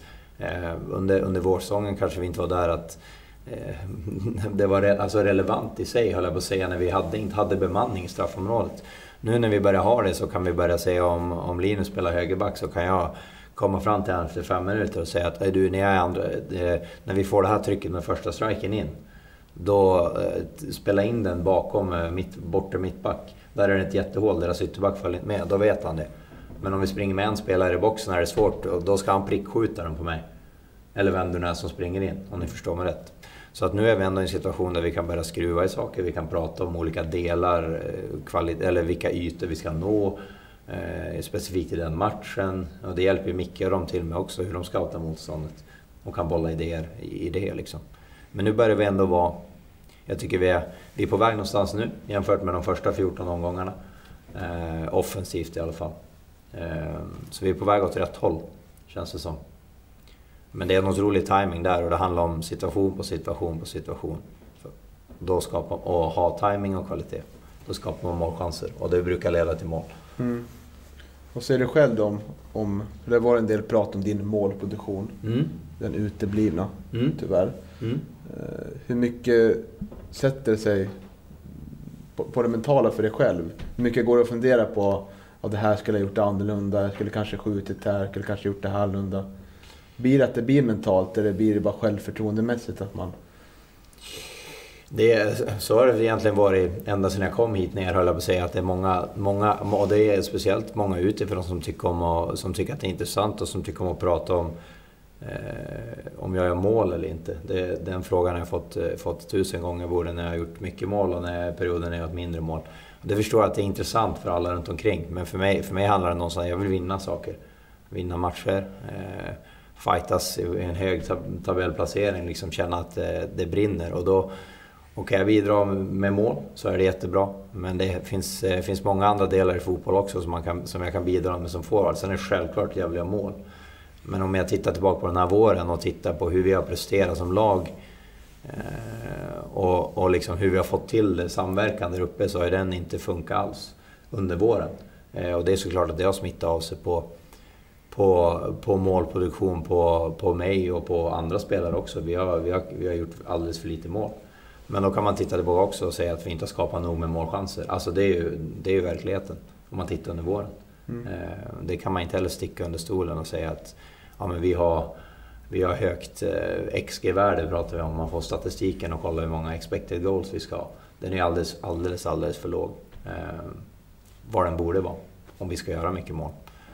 Ehm, så att det, det är något som vi, som sagt, som vi jobbar på. Det är klart att det har varit frustrerande i perioder. Där man, där man vill, eh, vi, vi som lag vill göra fler mål. Ehm, men då handlar det om de detaljerna som jag har suttit och, och, och pratat alldeles för länge om här innan. Det är små detaljer men det är nog det är otroligt viktiga detaljer för att det ska bli målchanser. Ehm, när vi får kontringsläge, om vi vänder hem och, eller om vi spelar bollen snabbt framåt. Det är små, små detaljer som vi skulle kunna sitta och prata i flera timmar om. Tydligt. Men, det, men eh, jag önskar den tiden fanns. Nej men som sagt, det är någonting som vi jobbar på och det är förhoppningsvis så ska det komma eh, så, så det är på väg åt rätt håll. Formen känns god och, och vi som lag är på väg åt rätt håll eh, offensivt. Eh, så att jag hoppas och tror att den här hösten ska, ska, ska se annorlunda ut än vad det gjorde under vårsäsongen. Mm. Ja, om vi blickar framåt nu då mot, eh, mot lördagen här och eh, eh, ja, vi fortsätter på den inslagna vägen med anfallsspelet. Hur, hur ska ni kunna skada Sandviken liksom, tror du? Jag vet inte, har ni, har ni kollat på Sandviken någonting? Hur de spelar den här, den här säsongen? Inte, inte än att vi har gått igenom dem så, det, utan det tror jag vi gör på fredag, brukar komma gå igenom dem. Vi har mött dem en gång som sagt. De har, de har varit flow, de har, de har gjort mycket mål, de har varit eh, bra defensivt. Så att det är absolut en, en utmaning för oss eh, som vi måste ta oss an. Och, och liksom, eh, tycker att senaste matchen vi möttes var det en, en ganska jämn match. Eh, men vi, som sagt, under den matchen så skapade vi alldeles, alldeles för lite heta chanser. Eh, så det är såklart att vi ska titta hur vi ska utmana dem. Eh, och då kan jag återgå till det jag var inne på tidigare med hur många spelare vi har som hotar deras sista linje. Ställ till oreda, ta löpningar för, tomma löpningar för laget. Eh, det är sådana saker som, som skapar liksom ytor. Eh, att det är mer än en som springer, det är två, tre, det är någon som möter, någon går i djupled. Det är inspel med tre spelare på väg ner in i boxen. Liksom det, det är sådana små, de här detaljerna vi pratar om nu som gör att vi Oavsett om det är Sandviken eller något annat lag vi möter, det, det är så man skapar, vi skapar oreda och skapar målchanser. Så det är någonting som vi förhoppningsvis kan göra på lördag. Mm. Vad du säger om dina anfallskollegor där framme? Har ju spelat nu med dels Jakob Hjälte, Ibrahim Halassan och även Sutsu. Mm. Eh, vad blir det för skillnad eh, för ditt spel där framme, ert spel? Det är, det är, svårt att säga. De är såklart eh, olika, olika spelartyper såklart. Ehm, och och det, det, handlar om, det handlar om att liksom få en relation, eh, lära sig rörelsemönstret eh, på den andra spelaren. Eh, det handlar väldigt mycket om att, hur den andra spelaren rör sig, hur den hur, om den gör mycket aktioner eller inte. Står den mycket still, gör den mycket aktioner, för då kan du utnyttja, utnyttja ytor som uppstår, eller den skapar genom den, den spelarens rörelsemönster, så kan den skapa ytor för en själv. Som man kan utnyttja genom att göra saker på egen hand, eller man kan använda varandra. Så det är klart att det är beroende på vilken spelare man spelar med så är det, så är det kanske lite olika situationer som uppstår. Eh, och som sagt, nu har det varit lite olika. Och, och det är duktiga spelare eh, allihopa liksom. Och sen är det upp till Micke att spela där han tror är bäst för dagen liksom. Så ja, nej men som sagt det, det känns kul och det känns bra inför, eh, känns bra inför för lördag. Ja, för du och Jakob har ju spelat, spelat ganska länge ihop nu. Både Sandviken och Gävle. Mm. Vad skulle du säga, vad är Jakobs styrkor som spelare? Nej, men Jakob, Jakob är, en, han är en, en stor och stark spelare eh, som löper otroligt mycket. Så han är väldigt nyttig för laget oavsett om han spelar forward eller om han spelar ytter. Eller, han är en otrolig lagspelare. Eh, och har ju liksom... Den, den liksom, han är en, som bidrar med otroligt mycket energi med löpmeter eh, och liksom otroligt lojal. Så ja, man, vet exakt, ja, man vet exakt, eh, när man spelar med Jakob så vet man vad man får. Han, eh, han rör sig otroligt mycket. Han, är eh, duktig på att skapa, skapa liksom driv i, i anfallsspelet med, med rörelse, med, med liksom, eh, den biten. Eh, och sen är han en, en tung spelare i boxen. Alltså han ska ha, in i boxen och liksom få inspel eh, och liksom vara, var farlig där inne. Mm. Mm. Ja, nu på lördag då. Eh, ja, nu har vi ju pratat med Micke och Mehmet här innan och de Eh, de säger ju att ja, de kommer förbereda er ungefär som vilken match som helst. Då, men eh, hur, som spelare då, vet du, hur, hur förbereder man sig inför ett derby? Eh, om du kan börja Linus. Nej, jag tror att det är lite samma sak som till, till de flesta matcher. Eh, I slutet av dagen så är det tre poäng det står, eh, står liksom och väger mellan. Eh, men sen är det såklart roligt, extra roligt när det är mycket folk på plats lite lättare att få energi än att man behöver skapa energi själv eller genom laget. Men det är klart att vi, vi kommer ju allt för att gå ut och vinna mot Sandviken, det är ingen snack om saken.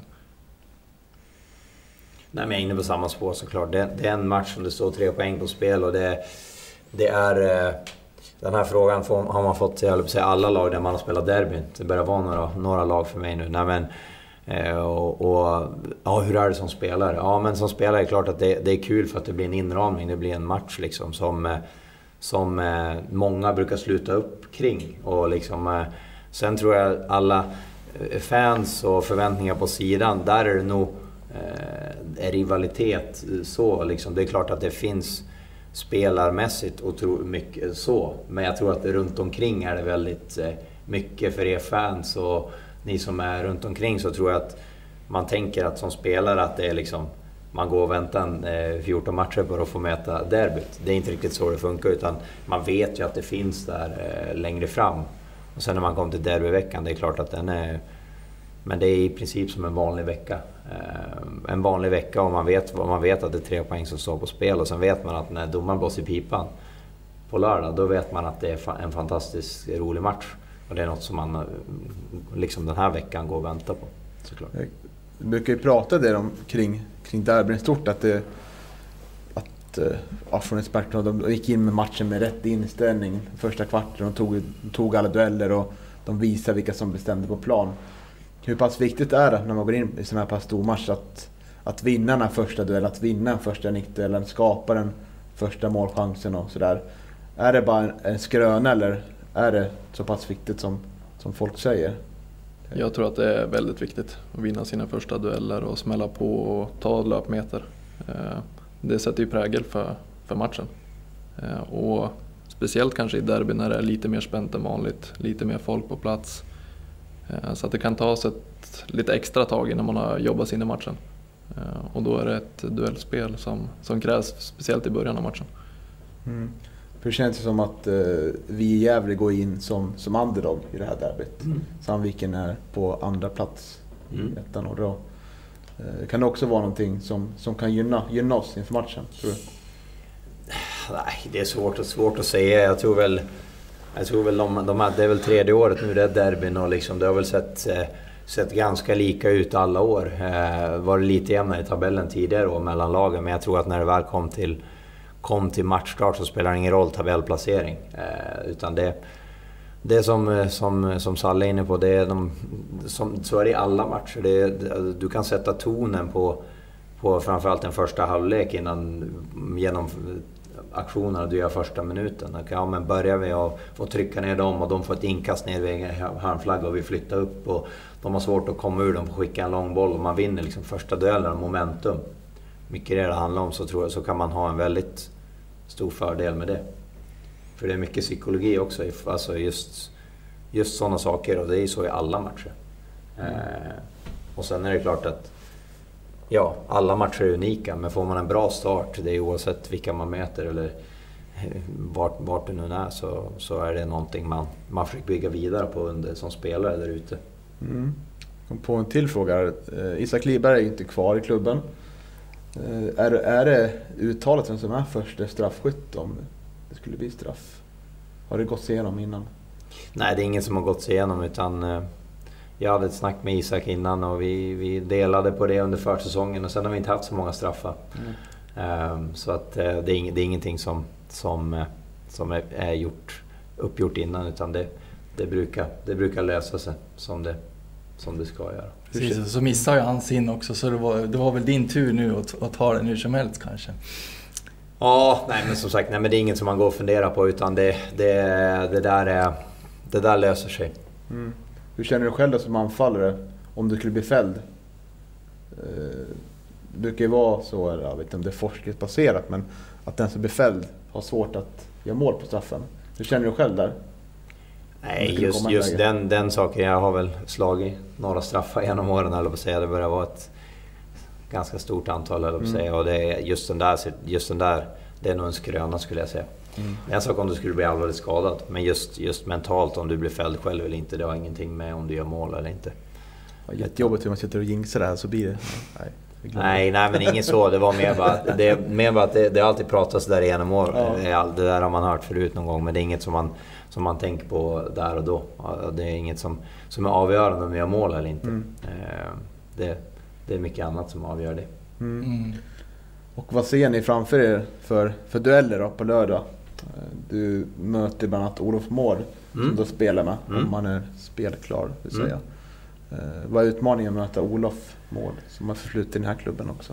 Eh, nej men som sagt, de har, de har fysiskt, fysiskt stark backlinje. Eh, Ja, vi ska bjuda upp till kamp såklart. Eh, men förhoppningsvis så kan, så kan, vi, kan vi visa det med, med hela laget eh, från start och, och liksom sätta, sätta vårt offensiva spel eh, i, i liksom bra positioner oavsett vilka ytor som bjuds. Om det, eh, oavsett om vi ska spela kombinationsspel eller om vi behöver slå längre passningar för att binda boll, vad det nu än är, så, så hoppas jag att vi från start kan göra, göra det matchen kräver och att vi kan se det som lag väldigt snabbt för att vi ska göra allt för att kunna, kunna vinna matchen.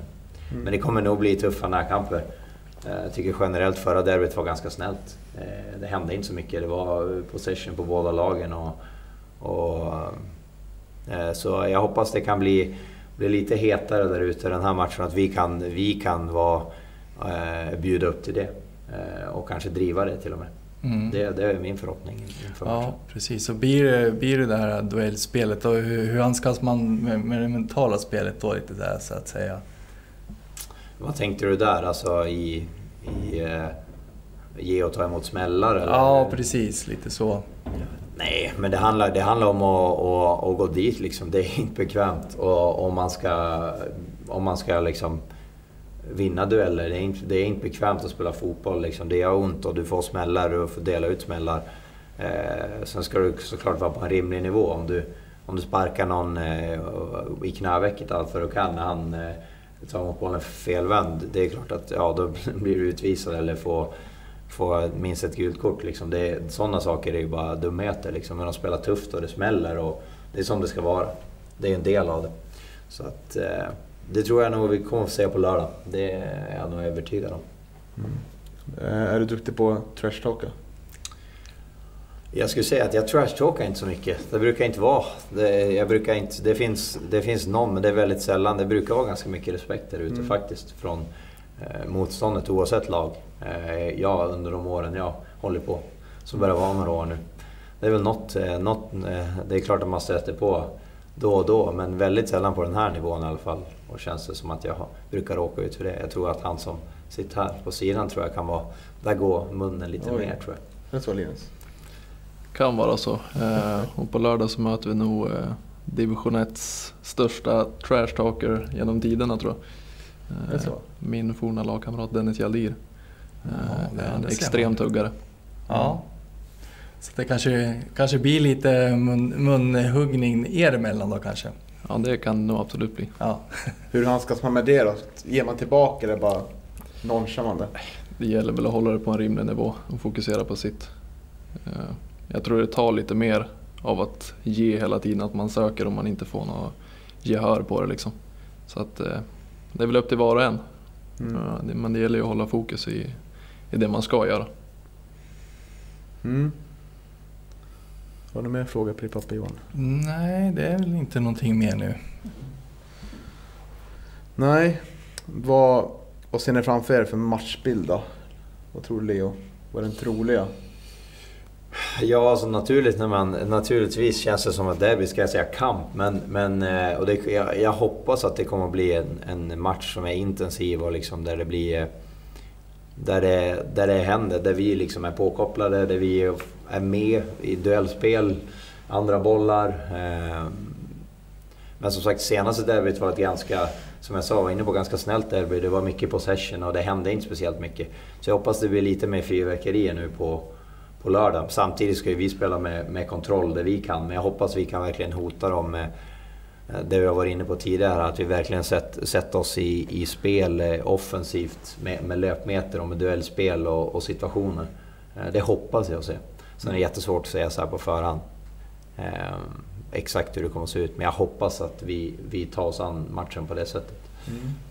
Absolut. Jag hade mer frågor här, var det så? wow. Ingen koll. Nej, ingen koll. Jag missade det där pappret. Ja. ja. Just det. Eh, ja, matchbild du Linus? Tänker du samma? Ja, det kommer nog vara ett ställningskrig till, mm. till en början innan matchen hinner sätta sig. Eh, och sen så tror jag att det kommer vara lite olika eh, vilka som för, för matchen. Mm. och det gäller att, att, lyckas leverera när vi har momentum samtidigt som att vi måste stänga liksom när vi har när de har momentum. För så mm. kommer det vara, att eh, det är olika perioder i matchen som förs av oss båda. För det var det också mm, vänt bakåt där, många, många baklängesmål. Jag tänker på Piteå-matchen när båda målen kommer mm. på kontring där. Eh, vad är det som gör att vi hamnar i, i fel balans med laget där? Just i, i Piteå-matchen så är det ju ett missförstånd eh, på deras första mål. Och det är ju väldigt onödigt eh, i efterhand. Eh, och blir väldigt olyckligt resultat på det hela i och med att det, det blev mål. Sen deras 2-0, visst en kontring, samtidigt så skickar vi upp fler folk för att lyckas göra mål.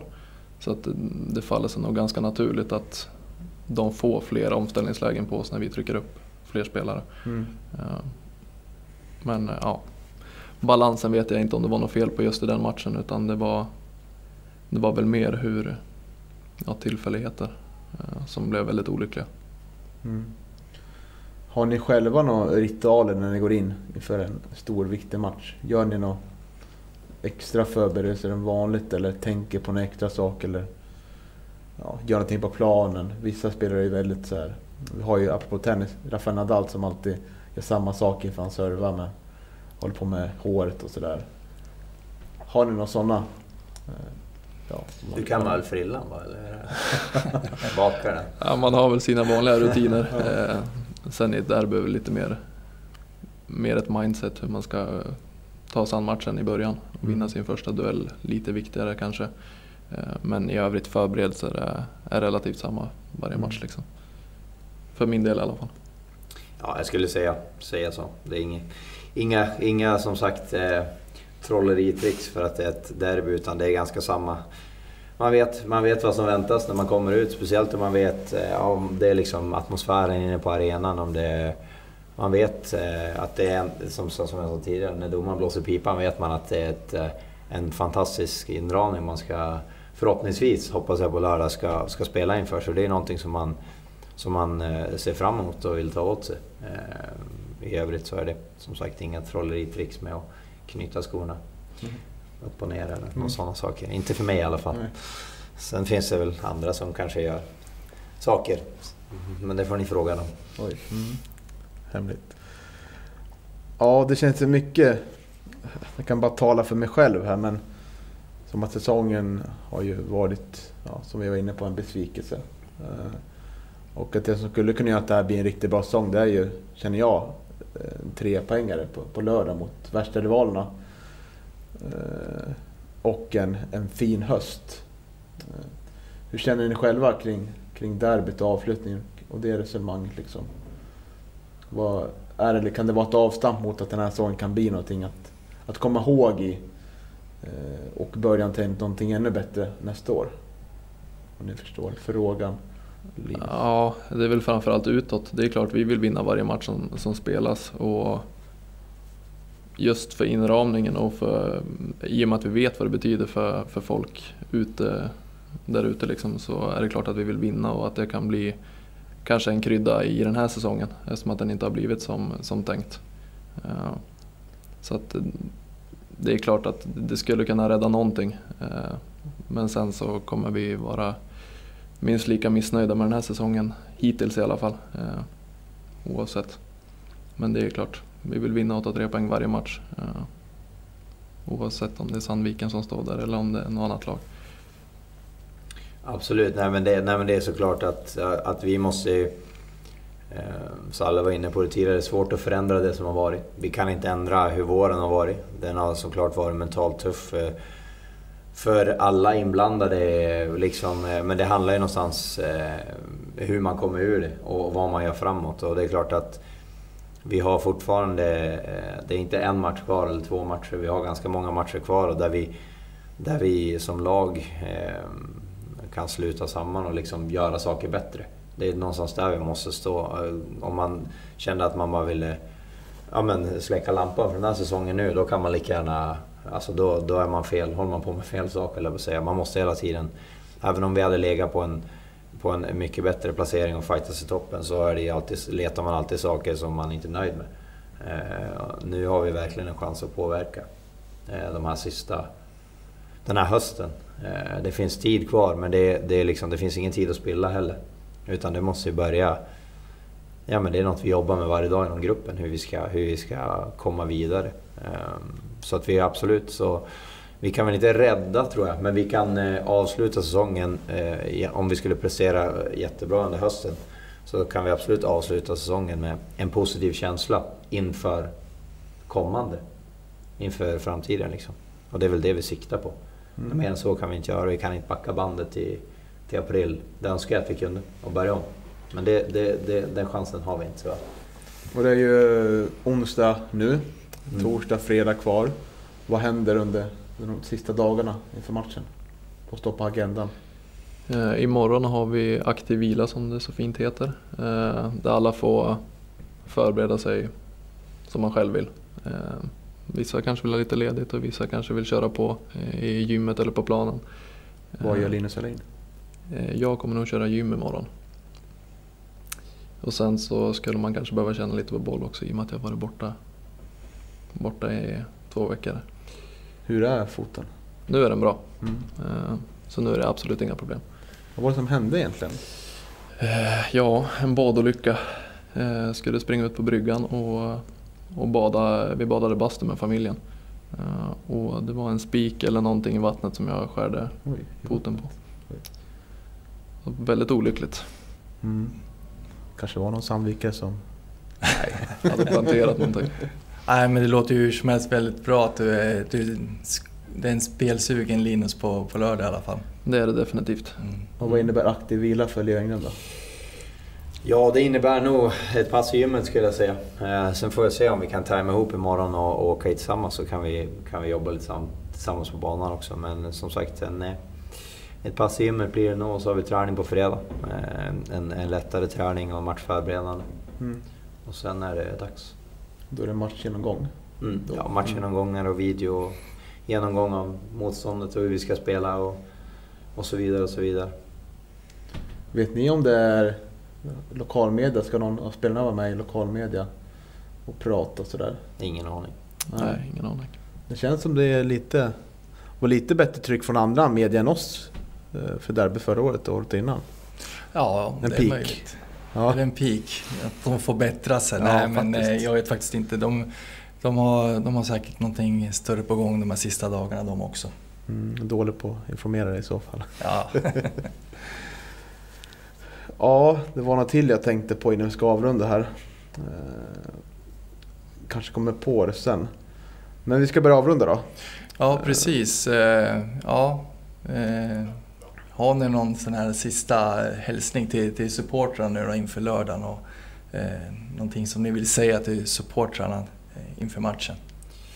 Nej men verkligen, det är, som spelare uppskattar man dig väldigt, väldigt mycket när, man, när eh, våra supportrar, alltså, så är det, det betyder jättemycket för oss där ute på banan och adrenalin och liksom inramning. Så jag hoppas att, jag hoppas att vi får se flaggor och, och liksom eh, sluter upp runt laget.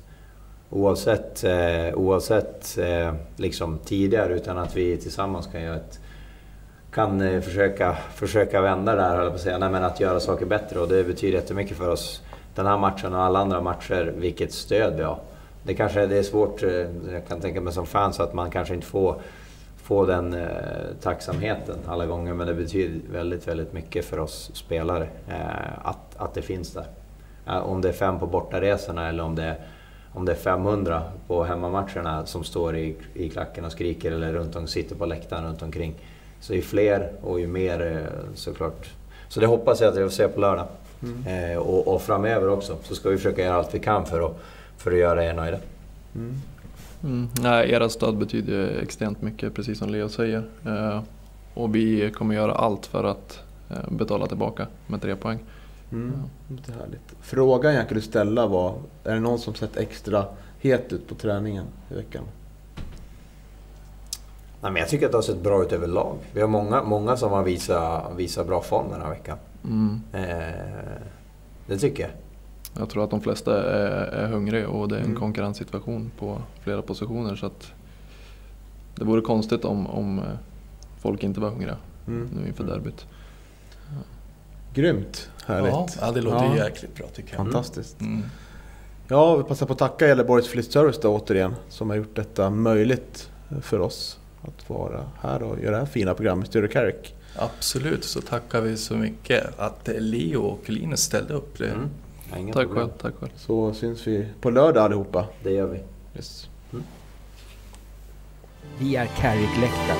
En flagga som alltid kommer olika håll men bär på samma drömmar. Precis som det var när vi lirar på plan. Nere vid Gavleåns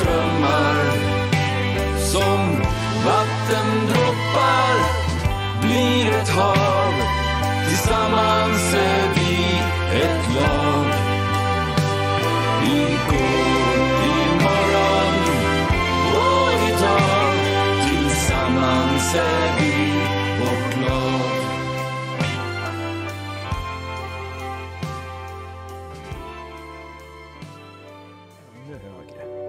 Tillsammans kan vi hjälpa vårt lag upp i divisionerna igen. Och det är till det här du behövs. Tillsammans stöttar vi vårt lag från ståplats, både på hemma och bortaplan. Så fort publik släpps in på arenorna igen står vi där på läktarna som förut. Ingen kan göra allt, men alla kan vi göra lite. Och tillsammans tar vi oss tillbaka till eliten. Där vi hör hemma. I år fyller supporterklubben 20 år. Vi är en process som ständigt fortsätter. En himmelsblå kraft och rörelse framåt. Vi är Carrickläktaren. Bli medlem du också.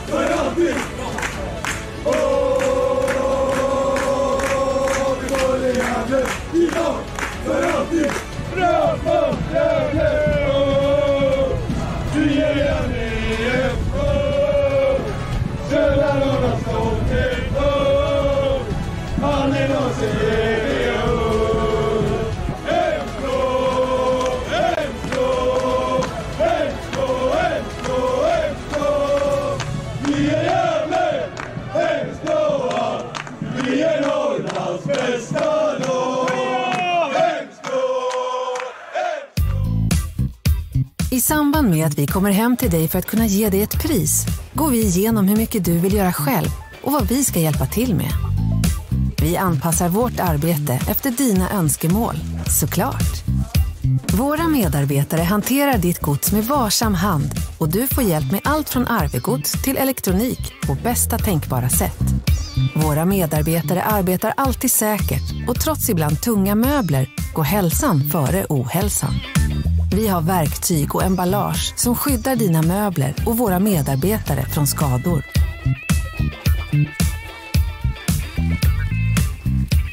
Vi har full försäkring och utbildning för att du ska vara säker på att det du bryr dig om kommer fram till sin slutdestination på ett säkert sätt. Vill du så packar vi även upp och monterar dina saker på det nya stället. Välkommen till Gävleborgs flyttservice. Vi flyttar branschen.